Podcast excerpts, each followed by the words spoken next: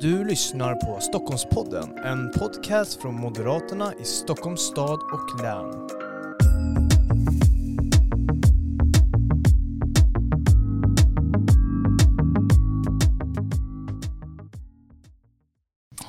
Ja, varmt välkomna till ännu ett avsnitt av Stockholmspodden. Det här är ju Moderaterna i Stockholms stad och läns podcast där vi pratar eh, brinnande frågor, vi spekulerar i framtiden, men eh, vi pratar också om aktuella frågor. Som till exempel förra veckan när vi pratade vårbudgeten och, veckan innan det där infraproppen låg på, på vår agenda. Men idag ska vi eh, spekulera en hel del i framtiden. Det är nämligen så att vi ska prata om digitalisering, automatisering och och så vidare. Hur kan vi till exempel, hur kommer våra framtida kommuner se ut och vad, vad kan staten hjälpa till i det här viktiga arbetet? Det ska vi gräva lite djupare in i snart. Men jag ska berätta vilka vi har med oss. Det är nämligen så att vi har med oss Erik Ottosson. Du är riksdagsledamot från Stockholms län, Huddinge om man ska vara väldigt specifik. Och sen så har vi Erik Andersson. Du är kommunstyrelsens ordförande i Täby. Men du har också suttit i riksdagen tidigare. Så det är två eh, riksdagsmän här eh, med god erfarenhet. Men eh, du har klivit över nu till Frihetens kommun. Stämmer det? Det stämmer jättebra. Och eh, det roliga är ju så här att eh, det är en hel del digital verksamhet nu. Det är ju sällan man, man träffar folk och, men, men nu sitter vi här i alla fall i samma rum med god avstånd eh, och har handsprit på våra bord. Men, men det är ju så här att det, det är ju lite kul med de här kommunfullmäktige sammanträdena som är digitalt. Erik, du är ju KF-ordförande så du, det händer väl en hel del, eller hur? Ja, men det gör det och det är ju väldigt ovant. Men det, man tycker ju ändå att nu har det gått ett år och det börjar på, börjar på sätta sig lite grann i, i, i, i eh, ska säga, arbetssättet. Man, man, man eh, lär sig och jag tycker att nu, nu går det bättre än det har eh, gjort tidigare. Vi hade faktiskt ett riktigt bra fullmäktigesammanträde i Huddinge i, i måndags. Det var riktigt bra. Mm. Och då går ju frågan egentligen till Täby-Erik. Ja. Ska vi köra så? Täby-Erik och Huddinge-Erik. Äh, men vi får se hur vi klarar av det. Det är ju den svåraste bollen under den här podden. Ja, det är sant. Men, men hur går det i, i fullmäktige i Täby då? Med, med er digitalisering av KF? Jo då, nej men det det är ju som eh, Erik sa här att eh, det blir ju bättre och bättre och om det är någonting som den här pandemin har fört med sig det är just det här eh, digitala mötena. Har ju utvecklats enormt. Det hade ju varit omöjligt bara för något år sedan att säga att vi ska ha digitalt fullmäktige, men idag är det ju en självklarhet. Men det blir bättre och bättre. Men eh, det finns ju eh, ibland lite olycksfall i arbetet och jag har ett litet ljudklipp här från eh, en fullmäktigeförsamling. Så här kan det ju låta när man inte är aktsam och stänger av tele eller telefonen, mm. säga, mikrofonen. Då får vi höra. av planeringsunderlag 2022. Och där har ju information om debattregler skickats ut i förväg. Ja, Ja. så, så där kan det ju bli så att säga. Om man inte är uppmärksam på hur man ska eh, agera på ett eh, fullmäktigemöte och Det var inte någon som inte av. var jättepeppad på debattreglerna helt enkelt. Eller? Men jag fattar inte det för att jag menar, det är det roligaste som finns. Ja. Ja, Var det när men- du stod i talarstolen Erik? Som, Ja, man kan ju tro det. Det är många som suckar då. Nu är han här igen, kommunstyrelsens I alla ordförande. fall från oppositionens sida Ja. i synnerhet då. Ja, det är inte, inte Nej, från Moderaterna det, kanske. Nej men det är inte lätt att vara opposition i Täby. Jag menar det är ju en sån bra kommun så det finns ju inte så mycket att Nej, så vara arg över men, man men, men, men det får man ändå säga är den stora fördelen med de här eh, digitala mötena när man har alla ledamöterna på distans. Då kan ju jag som fullmäktigeordförande sitta och snacka skit med sekreteraren på ett helt annat sätt när jag kan när alla är i salen. Det blir mycket svårare att, att, att diskutera liksom saker. Eh, Eller bara underhålla sig själv. Det är ju inte alltid superspännande debatter, eh, ska man villigt erkänna. Eh, Men eh, andra gånger så hettar det till och då, är det ju, då kan man ju lyssna mer. Mm. Ja. Frågan är egentligen hur man ska göra det mer spännande men det blir ett annat poddprogram. Ja, jag tror att det är Ja. Ja, då får vi nog eh, köra lite förarbete och, och Ja, verkligen kanske skriva en rapport om hur man kan göra KF digitalt. Eh, ja, roligt. Eh, om, om jag får säga så. Det är min åsikt. Absolut. Men, men vi ska ju prata om eh, det här med, med digitalisering idag och eh, för att starta någonstans så kanske vi ska säga att vi befinner oss just nu i, i tredje vågen av coronapandemin. Digitaliseringen har ju gått på frammarsch under den här, den här pandemin. Det har snart det har varit över ett år nu och eh, vi har ju slängts in i framtiden kan man säga med digitala möten, eh, kontorslandskap som står helt tomma, folk jobbar hemifrån, anpassningen går framåt. Eh, men jag skulle egentligen, den första frågan som jag vill slänga ut i det här poddavsnittet det är Varför behöver samhället använda sig, men även också anpassa sig till digitaliseringens utveckling? Nej, men jag tror att det handlar väldigt mycket om att det är en fantastisk potential i den här digitala revolutionen som vi, vi går igenom.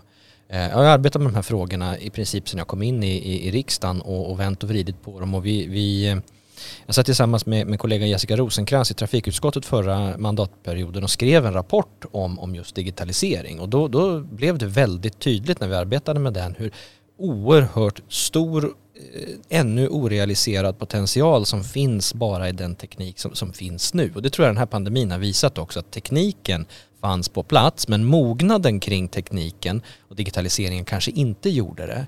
Och det här är ju en, det här är en teori, eller en beskrivning som jag tror att man kan ha inom flera områden också. Alltså hur vi digitaliserar våra myndigheter, våra kommuner, hur, hur näringslivet ser till att vara, vara eh, konkurrenskraftigt eh, inom just de här områdena. Att, att eh, nu handlar det väldigt mycket om kunskap på bred front. Att man måste skapa en kunskap på bred front som gör att, att vi kan använda oss av tekniken. Inte bara hos de här som är duktiga spjutspetstekniker utan att, att eh, gemene man får en, en, en eh, större utväxling av digitaliseringen. Det tror jag är en väldigt viktig, viktig fråga.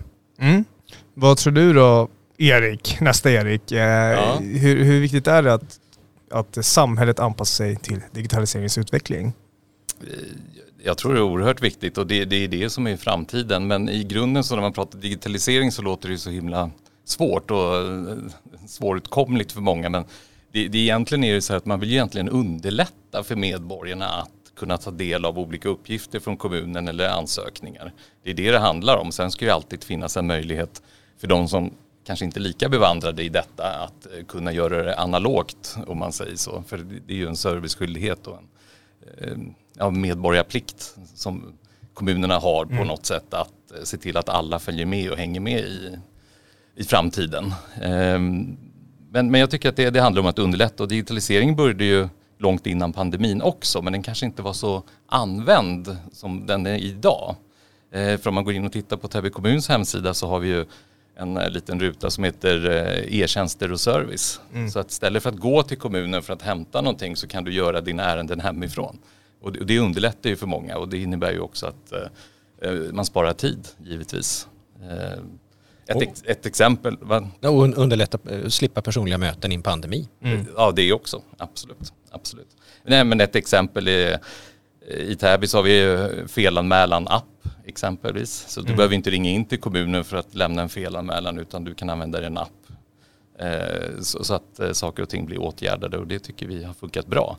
Och 80% av alla felanmälningar görs via den appen och 20% kontaktar vår kontaktcenter. Mm. Så att det har redan blivit ett eh, skifte där om man säger så. Mm. Men, men vad, vill du spela in någonting Erik? Nej, men jag, jag tänkte nu när Erik nämner den här appen och så, det här är något som jag vet att flera kommuner har, har satsat på, dock inte alla. Mm. Eh, och jag tror att det beror lite på att, att eh, då har ju de här kommunerna många gånger suttit själva och liksom, köpt en, en felanmälan-app Eh, istället för att, att, dela med sig mellan varandra. Och det här tror jag är något som är väldigt viktigt mm. i, i, i, digitaliseringen, framförallt vad gäller den kommunala sektorn där alla kommuner gör ungefär samma sak. Att man, man har en, en sharing is caring-tanke mellan kommunerna och att man försöker dela på det här och samarbeta framförallt när det gäller lite större system. Kanske en, en felanmälan-app är ju kanske inte ett jättetungt uh, IT-system. Så. Grymt tungt. Eh, men viktigt. Men viktigt, vi, viktigt men, men, men så här, rent tekniskt tror jag att det går hyggligt enkelt att, att tillverka. Mm. Men, men, ehm, men, men, att man just man försöker hitta möjligheter att göra gemensamma upphandlingar och sånt där. För jag tror att det finns väldigt mycket pengar att spara där. Och jag tror att det finns väldigt mycket pengar eh, och även kvalitet kvalitet att förlora på att, att köra ett eget race. Mm. Mm. Nej men jag delar den uppfattningen och som kommun ska man ju aldrig riskera medborgarnas pengar. Mm. Eh, I Täby har vi valt att göra lite så här, vi ser vad som funkar och sen så implementerar vi det som fungerar i, den, i vår verksamhet. Eh, och en kommun tycker jag personligen då inte ska utveckla eller bli något IT-bolag och försöka utveckla egna lösningar utan här finns det ju precis som Erik säger att eh, gemensamt så kan man ju upphandla eller om marknaden har någonting att erbjuda så att säga genom gemensamma inköpscentraler att kunna avropa. Mm. Och det tycker jag är extremt viktigt. Och jag har alltid haft svårt med det här med att sätta kommunen på kartan för att mm. en kommun ska ju se till att sköta sina uppgifter. Mm. Det är det som vi är till för, alltså mm. se till att välfärden fungerar. Mm. Jag tänker, tänker att vi ska gå in lite på det här med, med effektivisering senare men, men bara hålla kvar det här med att samhället har ju digitaliserats i hög takt. Eh, Eh, de senaste tio åren och i och med pandemin så har det ju gått såklart snabbare eller vi har börjat använda oss av det ännu mer. Finns det några risker eh, med att eh, allt mer styrs av, av det digitala? Det är appar, det är eh, liksom, när man tänker på välfärden så är det ju en hel del som idag är digitalt. Vi till exempel får all, våra vacciner blir kallade oftast mm. digitalt som kommer vara en viktig del nu i att få bort eller kunna leva ett normalt liv och så vidare. Vad, vad finns det för risker? Ja, det finns ju oerhörda risker och eh, det, det som är enklast att prata om det är om det skulle bli ett eh, långvarigt strömavbrott. Ja, det finns en risk. liksom, med, med tanke på hur situationen ser ut i mm. Sverige. Nej, men då, ja, då, vad händer då? Ja, då hamnar vi där att man måste gå till kommunen igen eller till den serviceinrättningen eh, och inte minst när det handlar om ja, pengar och hur man ska betala, alltså betalmedlen, hur det ska fungera. Det, det är ju en oerhörd risk som man måste ta i beaktande när man eh, blir mer och mer digital. Mm.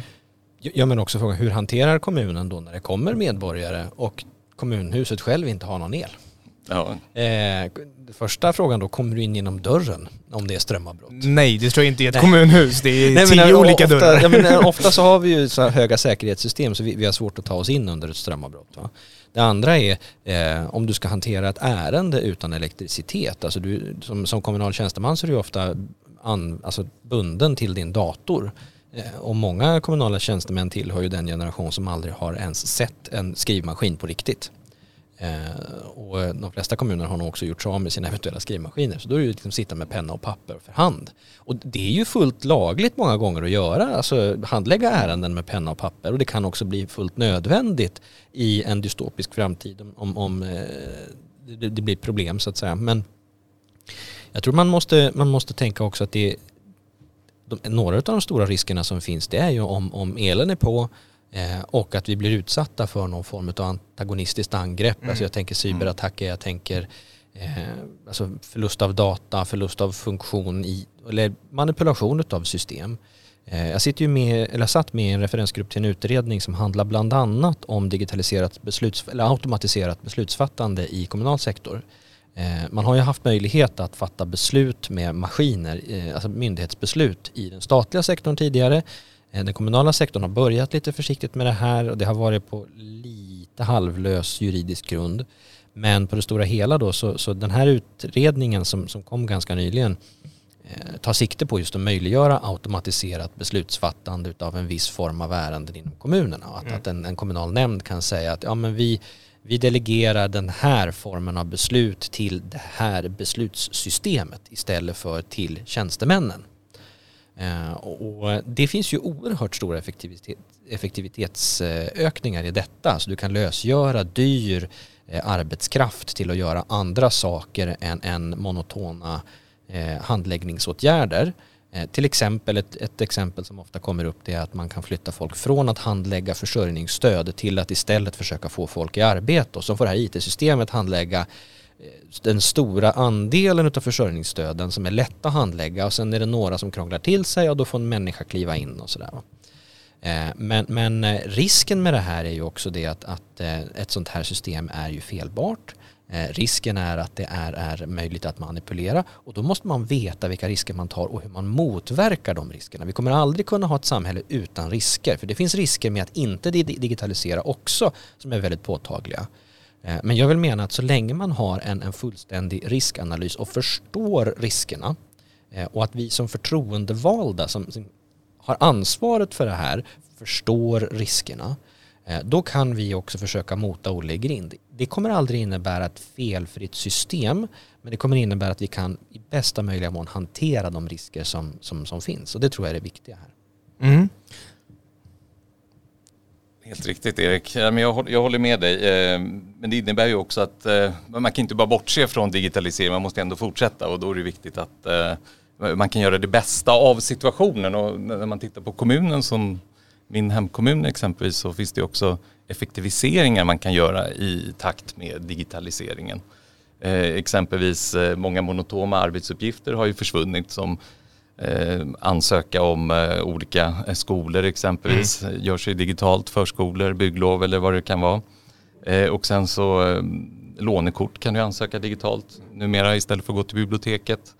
Eh, och sen så har det också inneburit att man kanske inte behöver, med tanke på, jag tror i och för sig att vi står inför ett skifte nu när det gäller just post-coronapandemin, att man kommer ju inte vara på arbetsplatsen lika många dagar var, i, i veckan som det har varit tidigare. Eh, och, det, och, det, innebär ju också att ja, man kan arbeta hemma men, eh, och då behöver inte kommunen ha lika många arbetsfasta arbetsplatser heller. Utan mm. att man har mer rörliga arbetsplatser som vi har i, i Täby. Man, man har ingen fast arbetsplats exempelvis. Eh, och, och, på det sättet har vi också lyckats få in eh, förvaltning som har varit utlokaliserad eh, i, runt, i, i kommunen, exempel överförmyndarkansliet, helt digitaliserat och då mm. kunde vi få in dem i kommunhuset och på så sätt spara mer än jag tror det var 600 000 per år i lokalkostnader. Så att, det, det, ja, det, det, finns ju mycket att vinna på den här utvecklingen men samtidigt så är den väldigt skör, precis som du var inne på Erik. Att ja, cyberattacker eller om det blir elavbrott eller ja, det kan finnas annat också. Mm. Jag, jag, tänker bara, hur står det sig i Sverige och eh, våra kommuner idag om man jämför med, med andra eh, kommuner och kanske länder i världen? Eller främst Europa då, om vi ska ta främst Europa för det är ju våra våra närmaste länder? Jag skulle säga att vi, vi har ju alltid, eller vi har ju länge legat i framkant eh, skulle jag säga som land. Eh, men vi är på väg att bli omsprungna av fler och fler länder. Eh, och framförallt är det vissa regioner som är väldigt spjutspets eh, inriktade så att säga. Men, men om man tittar till exempel på, på eh, ja men det finns en del index eh, på europeisk nivå som, som beskriver hur ehm, hur, hur, olika länder står sig rent digitaliserat. Så Sverige är väldigt duktiga på infrastruktur, alltså utrullningen av fibernätet på landsbygd och sådär. Där har vi mm. varit mm. ganska framgångsrika. Där har man inte alls samma förutsättningar i Tyskland till exempel. Men, men samtidigt så ser vi när det gäller öppna data som är någonting jag hoppas vi kan återkomma till lite mer så, så eh, där ligger inte vi i den framkant som vi borde göra och det handlar ju verkligen om en effektivisering av offentlig verksamhet men också ett värdeskapande i ekonomin. Mm. Eh, alltså möjligheten att, att, att skapa nyttor som annars hade liksom varit oskapade. Mm. Eh, och, och, där, eh, där halkar vi efter och det har vi flera olika index. Det, det, har att göra tror jag med ett bristande ledarskap på nationell nivå i de här frågorna. Man, man skjuter ifrån sig ansvaret i alldeles för stor utsträckning från, från den högsta politiska nivån och det, det är problematiskt. Mm. Bara, bara, innan vi släpper in andra Erik, det är ju bara det här med öppna data. Skulle du bara kunna reda ut vad, vad det begreppet är för de som inte ja, är bekant med det? Öppna data är alltså en, en form av information som det kan vara allmänna handlingar eller det kan vara annan information som, som finns hos en kommun eller en myndighet som man lämnar ut i sitt, i sitt råa format helt enkelt. Alltså man, man, man lägger ut den på, på, på internet utan att strukturera den på något sätt. Och sen finns den då där i maskinavläsbart format. Alltså att jag, jag kan skriva ett program som eh, ständigt hämtar data ifrån till exempel Lantmäteriet eller Skattemyndigheten eller, eller ifrån eh, någon annan myndighet som är relevant och, och kan skapa en app eller en, en, en annan så att säga ett annat program som, som använder sig av det här. Ett lysande exempel är faktiskt eh, där Stockholmsregionen, eller Stockholms läns landsting som det var då, var väldigt långt in i framtiden. Och det var när man bestämde sig för att SL inte skulle göra en egen reseplanerar-app initialt utan man släppte helt enkelt ut datan i öppet dataformat. Och det som hände då var att en privatperson tog den här datan och skapade den här appen Res i Stockholm som ju har som en, en liten logga framsidan utav ett tunnelbanetåg. Jag tror mm. de flesta känner igen mm. den. Det är alltså inte någonting som SL har skapat utan det är en privatperson som har gjort det här med den data som SL kontinuerligt live tillhandahåller om tidtabeller, förseningar och, och, och turer och så vidare. Eh, och, och, den sortens öppna data kan, det där var liksom ett, ett förstadium till vad som kan bli. Sen kan det hända jättespännande grejer om man gör det här i större skala över hela linjen så att säga. Mm. Resa i Stockholm, det var ju, det kommer man ihåg också, jag, jag som är lite yngre, men det var ju verkligen någonting som var... du då? Ja, Erik, jag skulle inte säga... Nej men man blir, man blir så här, bara för att reda ut det här snabbt bara. Det, det, det, det, alltså... Ja, vi kan ta det vid en annan podd. Men, eh, men, men, men eh, Ja, det kommer jag i alla fall ihåg och det var ju en otrolig effektivisering av, av både tid och, och, och verkligen som du säger Erik, eh, väldigt intressant. Men jag tänker nu ska vi släppa in andra Erik som inte Ja. alls är äldre. Nej, var lite. Nej, men jag, om man tittar på, eh, du var inne lite på bredbandsutbyggnad, men sen så kommer ju nu 5G-nätet nu som ska rulla ut och byggas ut i hela Sverige och det är extremt viktigt om vi ska kunna eh, vara i framkant just att det kommer till stånd.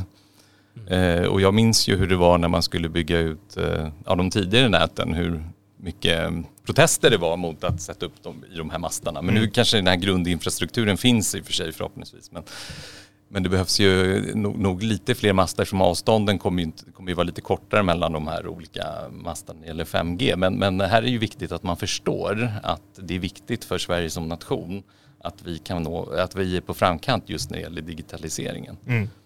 Nej, men då- just alltså, som du säger 5G, det är ju faktiskt nyckeln till vår fortsatta digitalisering många gånger. Och där har ju Socialdemokraterna och regeringen tappat bollen skulle jag säga och gjort att Sverige hamnar på efterkälken. Eh, med när det gäller de här aktionerna kring, kring radio, radiofrekvenser som det här 5G-nätet ska gå på som har blivit försenade och försenade och försenade och som har gjort att när, när Telia i utgångsläget sa att ja, men vi kan ha 5G på plats fullt fungerande i Stockholm 2018, det var deras utgångsläge. Mm. Och vi är liksom inte där än och det har att göra med att regeringen har schabblat. Eh, Då blir man ganska bekymrad när man ser hur andra delar av världen, jag menar, ta Sydkorea till exempel och andra ställen där, där det här är på plats och det är en konkurrensfördel eh, så, som vi missar. Eh, och sen ska man säga det också, precis som Erik säger, att det kommer behöva bli väldigt, väldigt mycket tätare mellan de här olika masterna. Eh, en sån sak som man har pratat om att använda det är ju våra lyktstolpar. Och det är ju i allra högsta grad en kommunal fråga så att säga att tillhandahålla då de här lyktstolparna. För det, de här kommer behöva sitta så tätt så till exempel ett exempel som används är att det kommer behöva sitta en basstation i varannan lyktstolpe motsvarande. Eh, och, då blir det jätteviktigt hur våra kommuner lokalt väljer att agera för att möjliggöra den här utbyggnaden och se till så att 5G finns på plats. Eh, bland annat en sån sak som att det är inte alla kommuner som har så moderna lyktstolpsystem så att det alltid är ström i dem som kan strömförsörja en sån här basstation. Utan man stänger av och på strömmen centralt. Eh, För att det här ska fungera så måste man stänga av och på strömmen till lampan i lyktstolpen lokalt i varje enskild stolpe för att det ska finnas el till en basstation över tid. Hur hanterar man en sån sak? Det är en ganska stor kommunal investering att göra om ett sånt system.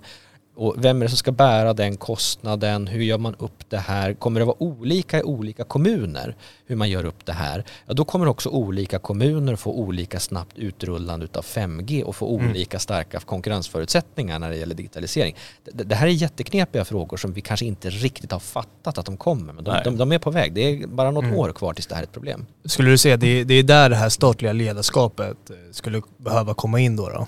Ja, det statliga ledarskapet tror jag måste komma in. Att det, inte alltid att det fattas beslut på statlig nivå, men att det finns ett ledarskap. Det kan vara ett mjukt ledarskap som säger att det är hit vi måste och att vi visar att men det, här, det här är liksom den standard vi alla måste hjälpas åt att sträva efter. Jag tror att det skulle göra jättestor skillnad för många. Kanske inte att alla följer med då, men att, men att åtminstone blir tydligt vad som är målbilden. Nu är den ganska oklar skulle jag säga. Eh, och, det är också den här nya myndigheten, som, DIGG, alltså digitaliseringsmyndigheten som, som den här regeringen har skapat, har ju fått, eh, skulle jag bedöma, alldeles för, för dåliga klor eller tänder att ta tag i det här och skapa tydliga standarder för, för hur saker och ting ska göras digitaliseringsmässigt i både stat och kommuner. Eh, och, och, och både vad det gäller alltså, standarder för data så att när vi öppnar upp data eller när vi delar data med varandra att den är standardiserad och då kan man skapa större nyttor till lägre kostnader. Eh, men, men också att man, man så att säga har ett, ett, eh, ett, eh, både mjukt men ibland också hårt ledarskap och visa vilka digitaliseringsåtgärder måste man nästan som kommun göra för att vara med på, på, på marknaden eller vad man ska säga eller va- vara med så att säga, på Mm. tåget i digitaliseringen och Mm. inte hamna efter.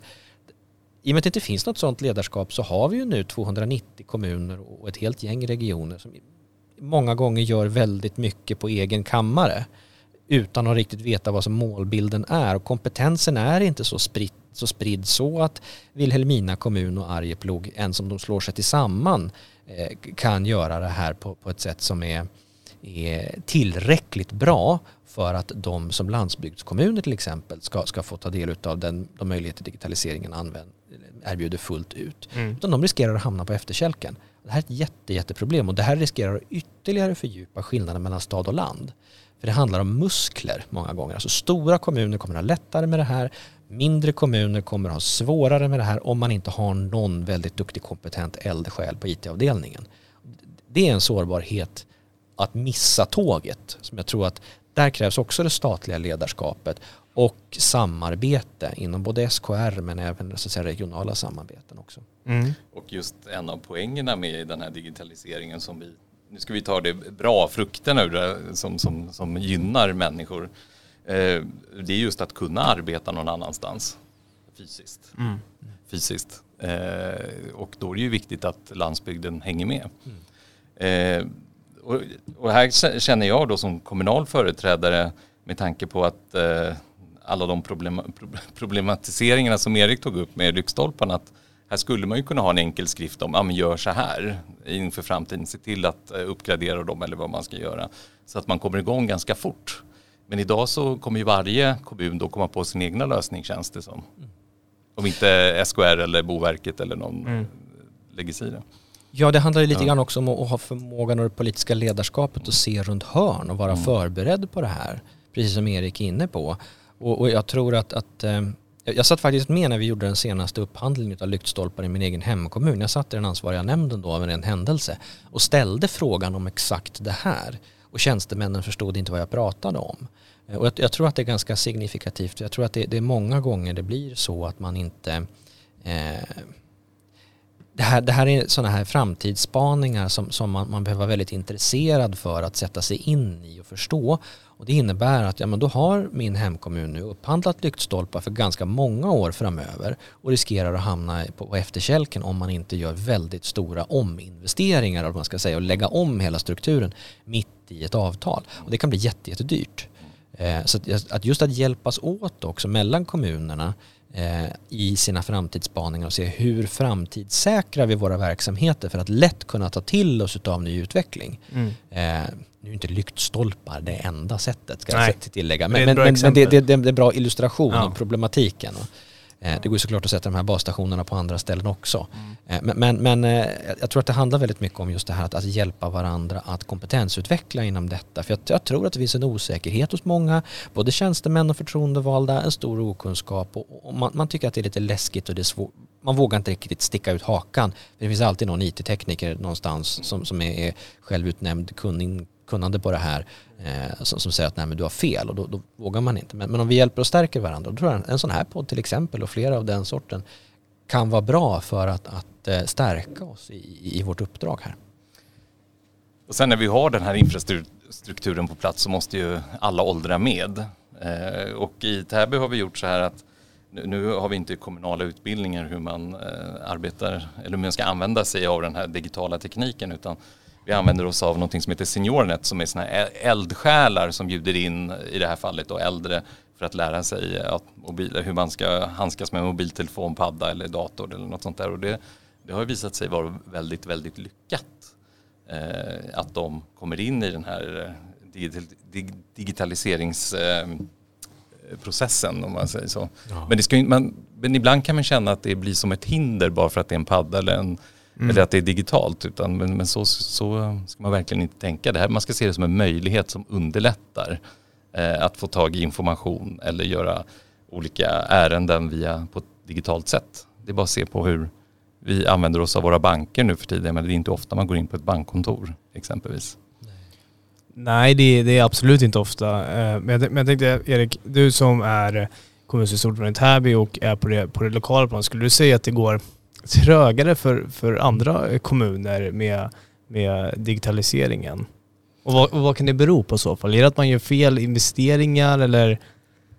Ja, jag kan nog inte svara på den riktigt. Jag tror att kommunerna i Stockholms län är nog ganska så eh, jämbördiga, kan jag tänka mig. Om vi pratar eh, lite större då? Stockholms län, vet ja, jag, jag vi, i Stockholms län är ju vi föredömliga ju. ja, ja, precis.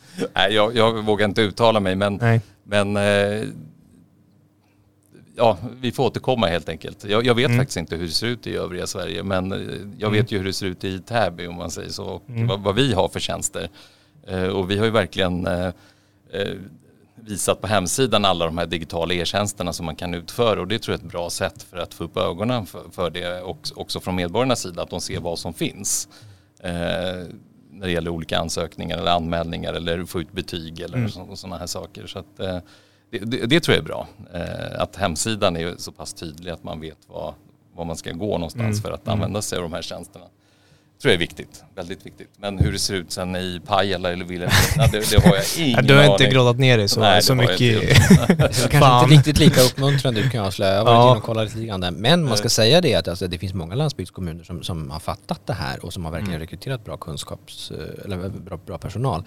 Men, men sen finns det också lite intressanta exempel. Som jag, bland annat så, så finns det, nu minns jag inte om det var Örebro eller Umeå. Eller om Det är väl annan. samma.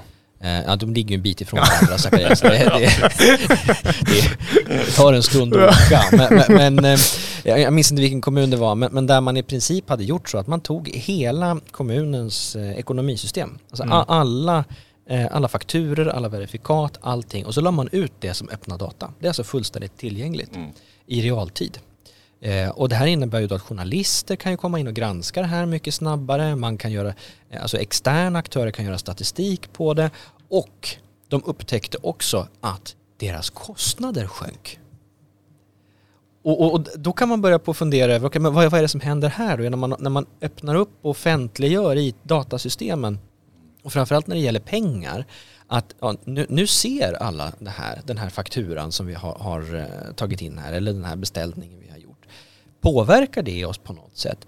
Jag tror att det kan vara väldigt positivt för, för en kommunal verksamhet att ha den formen av transparens. För Mm. egentligen så är det väl inte så att det finns särskilt, ja, inte särskilt många hemliga fakturor och gör det det får man ju såklart särskilt, alltså ta den fakturan i, i, eller de personuppgifter som kan innehållas och så vidare, till så att de inte blir offentliga.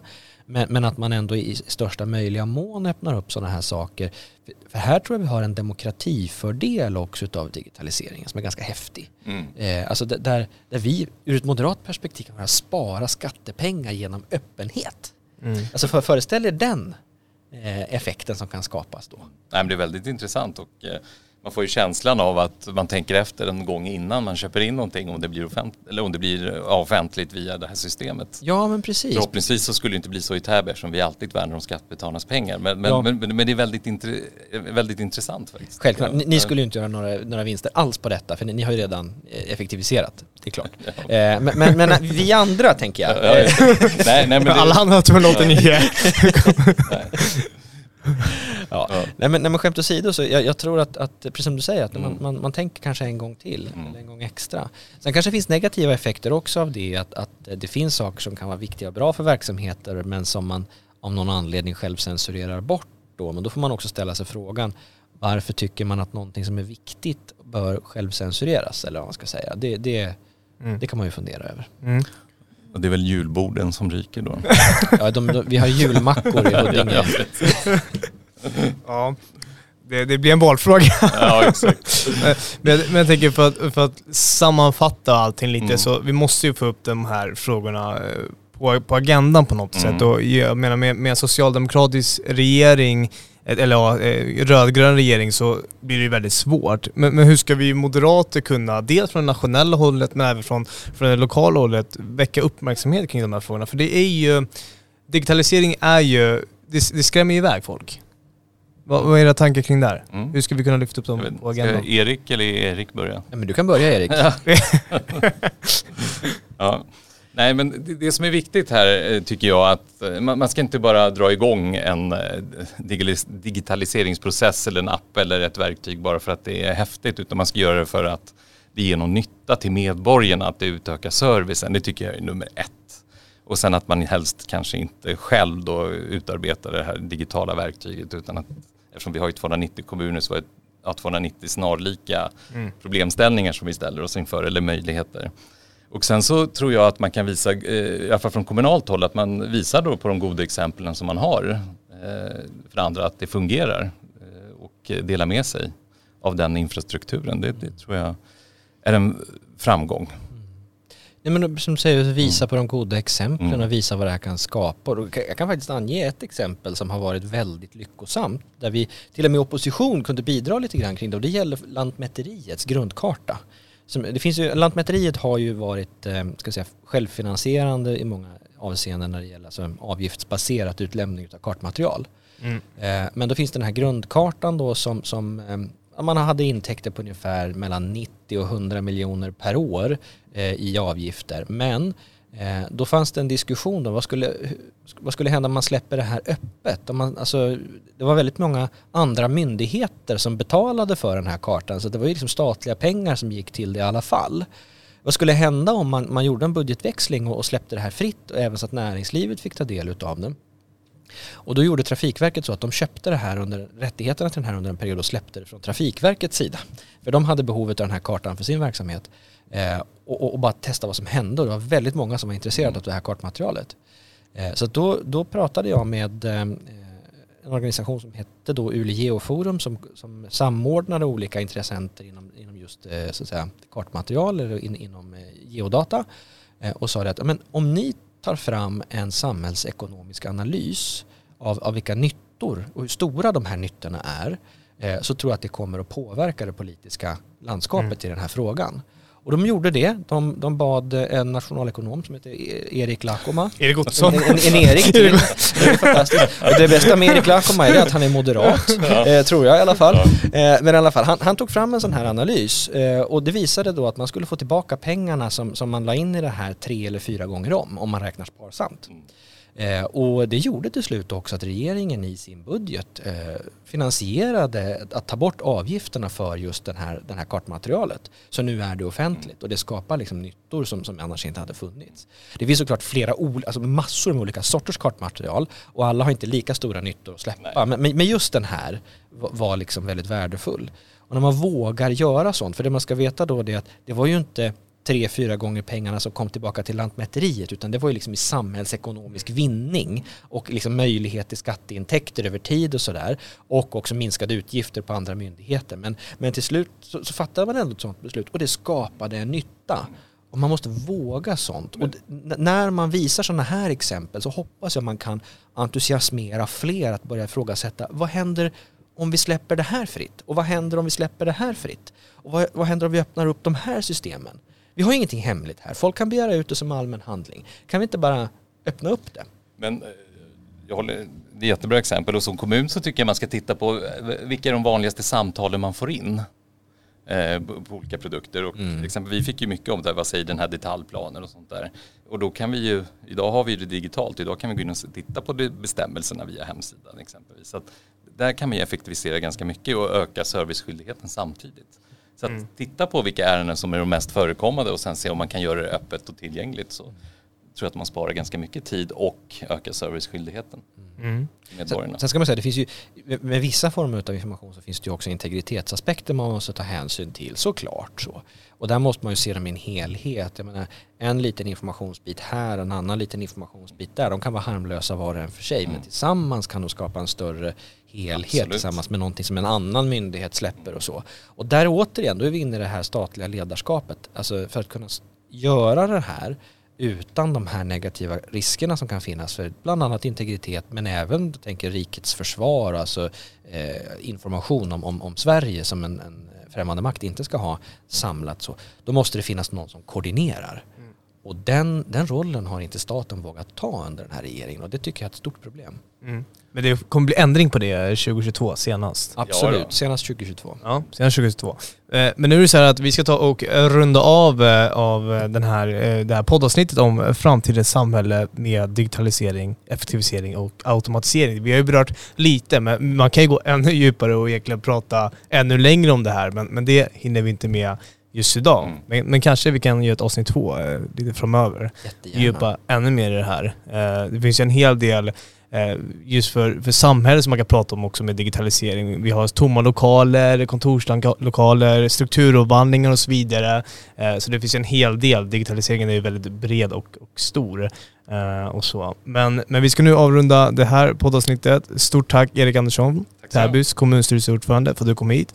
Och så Erik Ottosson, riksdagsledamot Stockholms län för att du kom hit. Tack så mycket. Eh, Och jag tror inte vi ska avrunda med ännu en. Vi har avrundat tio gånger redan.